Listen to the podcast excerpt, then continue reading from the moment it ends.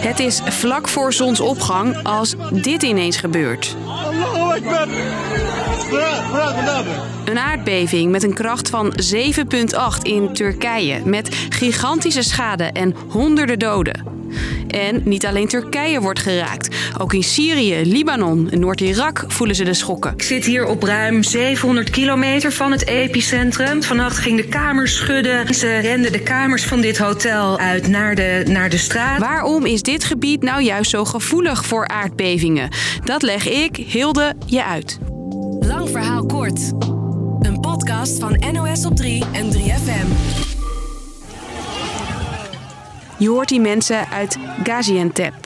Als je het intypt op Google Maps, kom je uit in het zuidoosten van Turkije, in de buurt van de Syrische grens. En hier vlakbij ligt het epicentrum van de beving. Veel gebouwen van deze stad liggen helemaal in puin, ziet Turkije-correspondent Mitra Nazar. We zien hele flatgebouwen die plat op de grond liggen. Uh, verschrikkelijke beelden zijn dat, want je weet ja, dat het midden in de nacht is gebeurd en dat er veel mensen dus waarschijnlijk lagen te slapen. Dat er dus uh, waarschijnlijk nog heel veel mensen onder het puin liggen. En niet alleen daar zoeken ze met man en macht naar overleving overlevenden. Tiende grote steden zijn echt flink hard getroffen. Dus je kunt je voorstellen hoe, hoe groot uh, deze ramp is. Op het moment dat we deze podcast opnemen, is het dodental opgelopen tot boven de duizend. En zijn er duizenden gewonden. Zo'n 3000 gebouwen zijn ingestort. En dat is dus alleen al in Turkije. Ook in buurland Syrië zijn veel slachtoffers gevallen. We horen over honderden doden, nog veel meer gewonden in Syrië. Maar dat is eigenlijk nu niet makkelijk om daar een goed beeld van te krijgen, want ze zitten er nog middenin.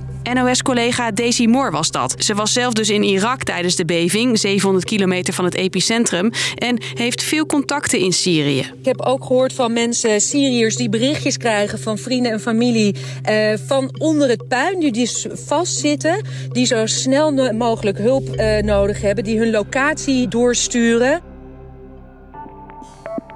Het is niet voor het eerst dat het zo misgaat in het gebied. Je moet weten, dit is een land met een historie van grote aardbevingen. Mensen leven hier altijd met die angst. De zwaarste beving was in Istanbul, 1939, waarbij meer dan 32.000 mensen om het leven kwamen. En bij bevingen in jaren daarna verloren nog eens duizenden mensen hun leven. Waarom juist daar? Dit is een land met een groot aardbevingsgevaar, wat continu uh, hier boven je hoofd hangt. Turkije ligt op verschillende breuklijnen. Even een spoedcursus aardbevingen. Stel je de aarde voor als een bal. De buitenste laag is in vakjes gedeeld, dat zijn de aardplaten. Daartussen zitten scheuren, zoals de naden van de bal. En die platen bewegen heel langzaam met een paar centimeter per jaar. En als de druk op de breuklijnen, zeg maar de naden in de bal, te groot wordt, krijg je aardbevingen. Turkije ligt boven een soort kruispunt van drie aardplaten en is dus erg gevoelig voor bevingen. Toch, zegt deze seismoloog. Zo zwaar uh, in specifiek deze regio is uitzonderlijk. Het is waarschijnlijk de zwaarste beving sinds die van 1939. De schade is enorm. Mogelijk ook door de manier waarop huizen in het gebied gebouwd zijn. Kritiek is er al jaren op het feit dat Tur Turkse steden gewoon niet aardbevingsbestendig zijn. Daar zullen we de komende tijd nog wel veel over horen, denk ik.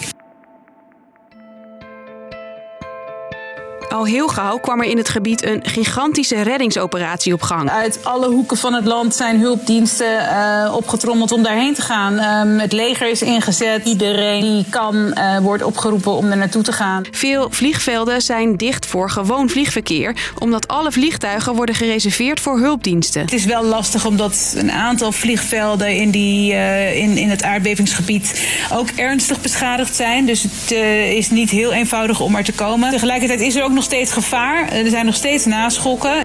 En die naschokken die zijn er ook nog uren na die zware aardbeving.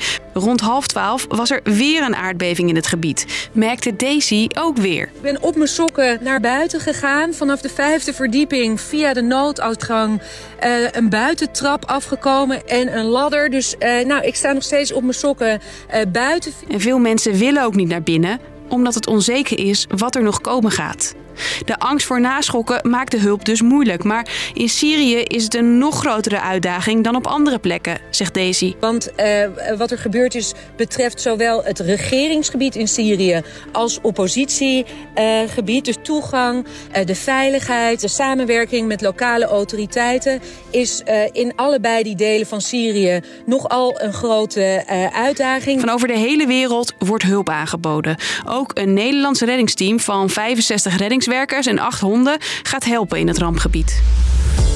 Dus, lang verhaal kort, een zeer zware aardbeving bij de grens van Turkije en Syrië.